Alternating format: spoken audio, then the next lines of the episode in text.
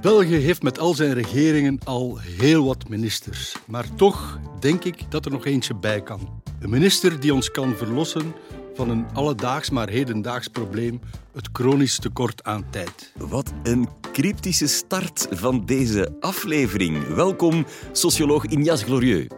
Hallo. Nu wil ik wel heel graag weten waar zo'n nieuwe minister extra tijd vandaan zou kunnen toveren. Hoe werkt dat? Het woord is aan jou. Hebben we een minister van tijd nodig? Dit is de Universiteit van Vlaanderen.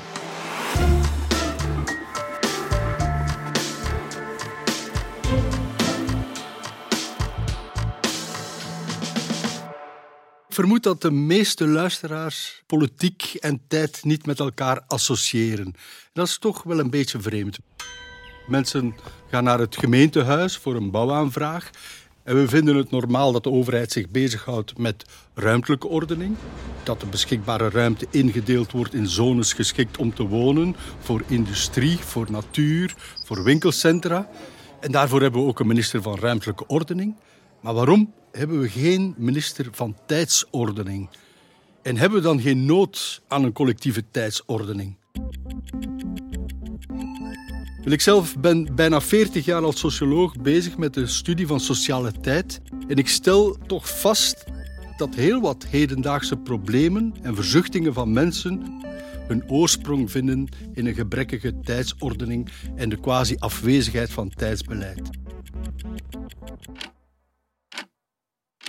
Denk aan de discussies rond work-life balance. Uiteindelijk gaat dat over hoe we onze tijd verdelen over werk, zorg, vrije tijd, ontspanning. En, en, en dat laten we eigenlijk over aan de mensen zelf. We hebben daar eigenlijk nauwelijks, er zijn wat beleidsmaatregelen, maar weinig gecoördineerd. Tijdsdruk. Hoe, hoe, hoe komt het dat we vandaag het zo druk hebben, terwijl dat we eigenlijk veel minder werken dan, dan 50 jaar geleden? Moeten we daar niet over nadenken en kan daar beleid rondgevoerd worden? Een banaal probleem als het fileprobleem heeft eigenlijk te maken met het feit dat we tegelijkertijd op dezelfde plaats zijn. Het is niet met infrastructuur alleen dat we dat gaan oplossen, het is een tijdsprobleem. Zondagsopening of openingstijden van winkels. Winkels zijn open op het moment dat mensen op hun werk zijn. Maar als we de zondag de winkels willen openhouden, dan moeten we mensen aan het werk zetten die eigenlijk liever thuis zouden zitten op dat moment. Hoe lossen we dat op? Of denk aan de discussie rond de zomer- en de wintertijd, die twee keer per jaar oplaait met hevige discussies over gezondheid en, en, en whatever. Moeten we daar geen beleid rond voeren? Wel, ik denk om deze en andere problemen te lijf te gaan, dat we een collectief tijdsbeleid zouden moeten hebben. En in deze podcast zou ik willen een aantal krijtlijnen voor zo'n beleid uiteenzetten. We hebben vandaag meer dan ooit nood aan een minister van tijd. Maar laat ons eerst even teruggaan in de tijd.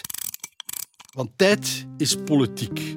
Het is altijd zo geweest. Machthebbers, elites, religieuze elites vaak, hebben zich altijd bezig gehouden met het bepalen en het bewaken van tijd, tijdsordening en hebben op die manier ook een indringende invloed gehad op zingeving en cultuur. Iemand die dat heel goed begreep was de Romeinse keizer Constantijn. Hij was het die het christendom verheven heeft tot staatsgodsdienst in de vierde eeuw na Christus. En hij wijzigde ook ingrijpend de kalender, de Juliaanse kalender. Hij was het bijvoorbeeld die de zondagsrust invoerde. En in 325 na Christus riep keizer Constantijn alle christelijke bisschoppen bijeen in Nicea, dat is een stadje in het noorden van Turkije, voor wat het eerste concilie zou worden van, van, van, toen nog niet de katholieke kerk. Het was eigenlijk daar dat de katholieke kerk geïnstitutionaliseerd werd, waar gediscussieerd werd over belangrijke kwesties zoals hoe moet Jezus zich verhouden tot God de Vader en de Heilige Geest? De drievuldigheid, dat was een hekele kwestie toen. Maar een heel belangrijk thema van het concilie was de christelijke kalender. En dus werden allerlei tijdskwesties geregeld, zoals de geboortedag van Christus, wanneer gaan we kerstmis vieren, of de dagen waarop de martelaren, de heiligen, geëerd werden. En een heel heikele kwestie was het tijdstip van de heiligste dag van het jaar, Pasen. En stel u voor 18 eeuwen later is dat nog altijd de basis van onze tijdsindeling. Elke samenleving, elke cultuur ordent de tijd. De heilige tijd, de sacrale tijd, wordt duidelijk afgebakend van de profane tijd, de alledaagse bezigheden. Initiatie- en overgangsrituelen maken bijvoorbeeld dat we een onderscheid maken in de levensloop tussen de kindertijd, de pubertijd, de volwassen tijd. We hebben vakantieperiodes waar we, uh, iedereen in een vakantiestemming is. Denk ook aan de periode tussen kerst en nieuwjaar, waar een bepaalde sfeer hangt. Het is zoals Piet Seeger het zong naar een eeuwenoude Bijbeltekst. To everything there is a season and a time to every purpose under heaven. Of ik neem even de Bijbel erbij. Het boek Prediker, waar, waar het, de song op gebaseerd is. Ik, ik citeer een stukje maar. Voor alles wat gebeurt is er een uur, een tijd voor alles wat er is onder de hemel, een tijd om te baren, een tijd om te sterven, een tijd om te planten, een tijd om te rooien, een tijd om te doden, een tijd om te helen en dat gaat zo nog een tijdje door. Kalenders ordenen de tijd zodat we jaren, maanden, dagen, uren kunnen tellen en onze handelingen kunnen op elkaar afstemmen. Kalenders hebben echter niet alleen een coördinerende functie, maar ze hebben ook een uitgesproken zingevende functie, een normatieve betekenis, die bijvoorbeeld tot uiting komt in het kiezen van het beginpunt van een kalender, van een tijdsrekening. De christelijke kalender is vastgelegd bij de geboorte van Christus, het jaar nul. De moslims beginnen te tellen vanaf de vlucht van Mohammed uit Mekka. De Joden beginnen te tellen wanneer dat God de wereld volgens hen geschapen heeft. Het zijn symbolische beginpunten en hetzelfde geldt voor het vastleggen van de feestdagen. En op die manier geven kalenders het ritme aan een samenleving wat bijdraagt ook tot een collectieve identiteit. De christenen vieren de zondag, de moslims vieren de vrijdag, de joden vieren de zaterdag. Dat is niet toevallig, terwijl dat we ons allemaal baseren op dezelfde Bijbel. Eh, terwijl de Joden zijn de enigen die, die, die op de correcte dag de rustdag vieren. Maar goed, dat kunnen we moeilijk doen als we ons willen onderscheiden van die anderen. Die zingevende kaders van onze kalenders en tijdsroosters zijn diep ingeslepen in onze gewoontes en onze routines. Het zijn sociale constructies, we hebben ze uiteindelijk zelf gemaakt, die, die, maar die, die vaak niet gebaseerd zijn ook op natuurlijke ritmes. En toch voelen we ze heel natuurlijk aan. Het is dan ook heel moeilijk om ze te veranderen. Kalenderhervormingen zijn meermaals geprobeerd in de geschiedenis. Denk aan de Franse Revolutie. De Franse revolutionairen dachten, we gaan komaf maken met die, die, die, die kalender die, die op het christendom gebaseerd is van het ancien regime. We gaan een nieuwe kalender bouwen die veel rationeler is, met twaalf maanden van allemaal dertig dagen, weken van tien dagen. Heel mooi, met, uh, ook heel normatief, met, met de, de principes van de Franse revolutie in vervat. Die kalender heeft het nooit gehaald is ingevoerd. Mensen hebben hem nooit gevolgd, omdat hij radicaal inging wat, wat, wat ze gewoon waren van te doen. En dus hielden ze zich aan de oude feestdagen en de oude ritmes. Maar een radicale kalenderhervorming mag dan misschien moeilijk zijn. Dat betekent nog niet dat de manier waarop we nu onze tijd indelen en ordenen, dat die optimaal is. Zoals ik in het begin van de podcast zei, veel van de hedendaagse problemen hebben eigenlijk te maken met een gebrekkige collectieve tijdsordening. Nu, als we de hedendaagse problemen met tijd beter willen begrijpen, dan moeten we toch opnieuw een stukje terug in de geschiedenis. Ik denk dat we het beter begrijpen als we teruggaan bijvoorbeeld naar de industriële revolutie. Tijdens de industriële revolutie is een belangrijk ding gebeurd wat, wat heel nieuw was: de scheiding tussen arbeid en gemeenschap. Mensen waren tot dan toe gewoon van, van te werken, niet op bepaalde tijden, niet op een afgescheiden plaats, maar in hun gemeenschap. Dat werk varieerde ook van dag tot dag en van seizoen tot seizoen. En tussendoor werd voor de kinderen gezorgd en werd het huishouden gedaan voor een stuk en werd aan gemeenschapsactiviteiten gedaan. Tijdens de industriële revolutie werd dat werk niet alleen geografisch van de gemeenschap gescheiden. Men ging ergens anders gaan werken, in een manufactuur of een fabriek, omdat men samen moest werken. Maar men moest ook op vaste tijden gaan werken, omdat samenwerken te kunnen doen. Als je samen wilt weven in een fabriek, dan moet je daar gelijkertijd zijn. Als natuurlijk de mensen buiten die gemeenschap gaan werken, dan wordt het moeilijk voor die kinderen te zorgen. De kinderzorg werd meer en meer besteed aan de scholen. Maar hetzelfde gebeurde met andere zorg. Iemand die ziek was, werd naar een ziekenhuis gebracht. Bejaarden gingen later naar een, een, een woonzorgcentrum, zoals we dat vandaag noemen. Ontspanning gingen we geleidelijk aan ook buitenshuis gaan doen. Vandaag gaan we naar de fitness, gaan we naar de bioscoop, gaan we op café, gaan we naar vakantiecentra. Dus dat betekent dat die verschillende levenssferen uit elkaar getrokken worden, zowel geografisch, maar ook qua tijd. En het gezin is eigenlijk verschraald tot een kleine gemeenschap, vaak maar een handvol mensen, die eigenlijk relatief weinig thuis zijn. Meeste tijd die ze thuis doorbrengen, slapen ze. En s'morgens gaan ze hun eigen weg door die verschillende levenssferen die je moet coördineren met elkaar. En het probleem vaak is dat die coördinatie heel krakmikkig verloopt. Omdat de logica van het werk niet strookt met de logica van het onderwijs. Het is logisch dat mensen bijvoorbeeld acht uur per dag gaan werken, maar die kinderen moeten geen acht uur op, per dag op school zitten en moeten ook meer vakantie hebben dan, dan de ouders vakantie hebben. Dus die schoolkalender en die werkkalender die is niet op elkaar afgestemd. En dat geldt voor heel wat dingen. Ook de verplaatsingen die we moeten maken tussen die verschillende levenssferen maakt het moeilijk, maakt dat we eigenlijk tijdsgebrek hebben, omdat we ook, als we in de ene levenssfeer zijn, ons niet kunnen bezighouden met bezonjes in de andere levenssfeer.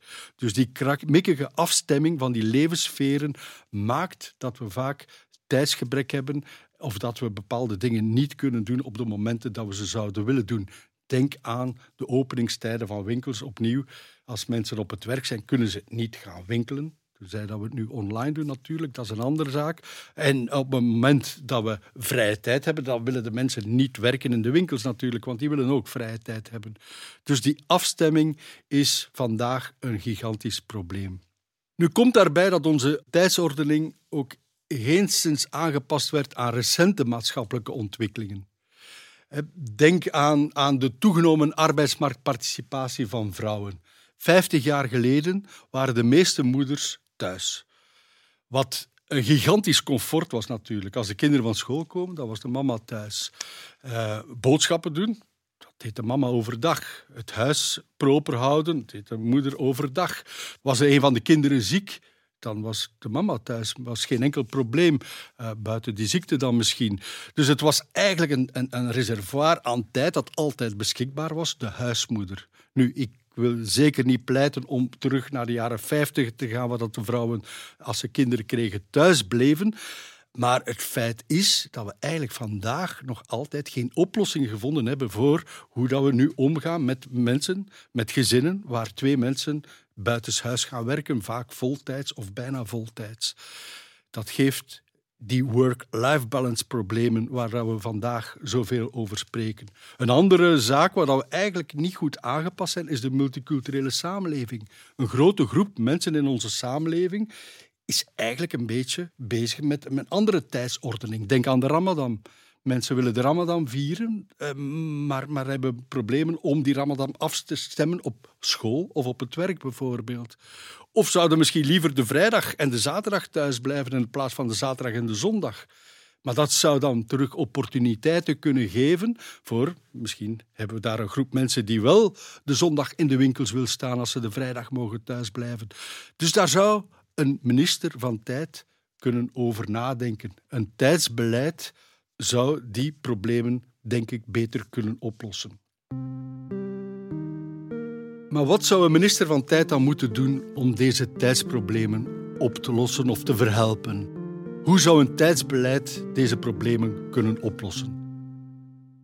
Als een gebrek aan coördinatie het probleem is, dan zou een betere coördinatie misschien kunnen leiden tot een oplossing.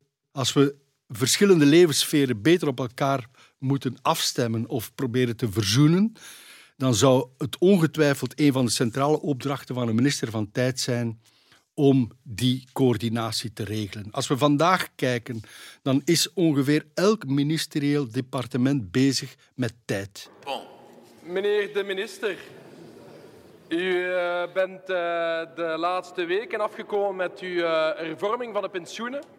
Denk aan de minister van Arbeid. Die gaat over arbeidstijden. Hoe lang werken we? Wanneer werken we? Minister van Pensioen ook. Hoe lang werken we? Maar dan in de levenscyclus. Minister van Middenstand houdt zich bezig met de openingsuren van de winkels bijvoorbeeld. Minister van Cultuur over de invulling van de vrije tijd. Minister van Onderwijs regelt de onderwijskalender. De minister van Kansengelijkheid moet ervoor zorgen dat de tijdsinvulling van mannen en vrouwen rechtvaardiger wordt. Minister van Openbare Werken moet de planning voor grote werken faseren om files te vermijden. Minister van Verkeer moet zich bezighouden met de afstemming van het openbaar vervoer. Ik, ik vergeet er ongetwijfeld nog veel, maar de lijst geeft duidelijk aan hoe complex een maatschappelijke tijdsordening is. Het gevolg van die gebrekkige coördinatie is een cacophonie van botsende tijdsordes. Veel van de hedendaagse problemen die ik eerder opsomde, zijn hier het gevolg van. En het is dan ook hoogst verbazend dat er tot op heden geen planbureau bestaat, geen minister van tijd is die het tijdsbeleid voert en die die verschillende departementen aanstuurt en coördineert. Onze samenleving heeft meer dan ooit nood aan een hedendaagse Constantijn met respect voor culturele kaders, voor tradities en die de krijtlijnen uitzet voor een nieuwe tijdsorde.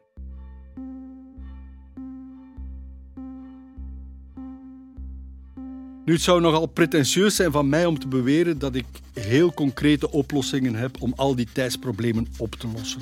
Dat ik een concreet uitgewerkt plan heb om de tijd voor arbeid, onderwijs, zorg, verkeer, ontspanning optimaal af te stemmen. Laat staan dat ik zo'n plan in een paar minuten uitgelegd krijg. Maar ik wil wel kort eindigen met een aantal basisprincipes toe te lichten van hoe zo'n tijdsbeleid er volgens mij zou kunnen uitzien. Een minister van Tijd moet volgens mij de collectieve tijdsordening optimaliseren op minstens drie niveaus. In de eerste plaats, en dat werd duidelijk uit al hetgeen ik gezegd heb, denk ik, moet die tijdsordening functioneel zijn voor de samenleving. Die, een tijdsordening stemt de verschillende levenssferen, instellingen, individuen optimaal op elkaar af. Dat betekent een optimale synchronisatie en dat zou bijdragen of moeten bijdragen tot een goede balans tussen enerzijds samenhorigheid en solidariteit en anderzijds autonomie en privacy. Een onderscheid tussen privé en werk bijvoorbeeld. Een tweede, dat is misschien iets moeilijker, zou een tijdsbeleid ook normatief moeten zijn. Dat betekent dat, dat een tijdsbeleid moet zorgen dat de tijdsverdeling in een samenleving rechtvaardig is, dat ze gelijkheid bevordert. Denk aan, aan het online shoppen. Dat is heel gemakkelijk. S'avonds besteld en s'morgens ligt het voor de deur. Maar dat kan alleen goedkoop als de zwakken op de arbeidsmarkt hiervoor opdraaien. Dat is niet rechtvaardig. Het is even minder rechtvaardig dat vooral vrouwen hun loopbanen moeten afstemmen op het gezin en daardoor kansen missen op de arbeidsmarkt, terwijl mannen kunnen focussen op een arbeidsloopbaan en carrière kunnen maken. Dus de minister van Tijd zou ook op dat vlak een betere tijdsordening moeten uh, bewaken of, of, of faciliteren. En tenslotte, misschien nog iets moeilijker, maar zeker belangrijk, is dat een goede tijdsordening ook esthetisch is. Mooi. Dat ze goed en evenwichtig aanvoelt. Dat ze het individuele welzijn en welbevinden bevordert. Een ordening van tijd moet zorgen voor een decorum, dat het leven ritmeert dat voor afwisseling zorgt, dat ons in, de juiste stemming brengt en op die manier zingeving en welbevinden bevordert. S'avonds en op zondag mag het gerust rustiger zijn en dat mag je ook aanvoelen. Als je op zondag op straat komt, mocht je dat voelen, horen dat het verkeer anders is, misschien ruiken of zien. Het kan heerlijk zijn om de voormiddag af te sluiten met een, met een middagpauze waar je iets anders doet. Dat je misschien wat praat met de collega's, niet over het werk. En het onderscheid maakt met de namiddag. Dat je dat duidelijk markeert. We moeten niet altijd alles en overal kunnen doen. For everything there is a season. En daar zitten we terug bij Piet Seeger, die we eerder aanhaalden.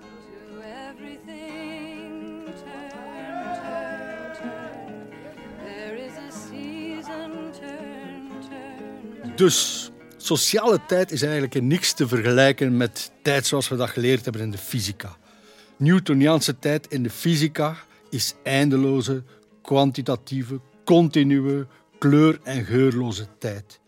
Sociale tijd daarentegen is ritme, zorgt voor discontinuïteit, zorgt voor afwisseling, onderbrekingen, het begin, het einde, geeft kleur. En een minister van Tijd moet er dan voor zorgen dat deze sociale ritmen optimaal resoneren.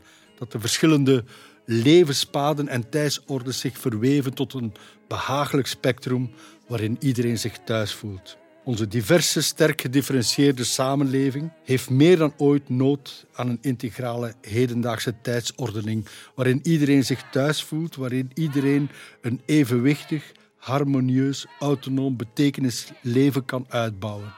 En het is finaal aan de minister van Tijd om zo'n beleid uit te werken.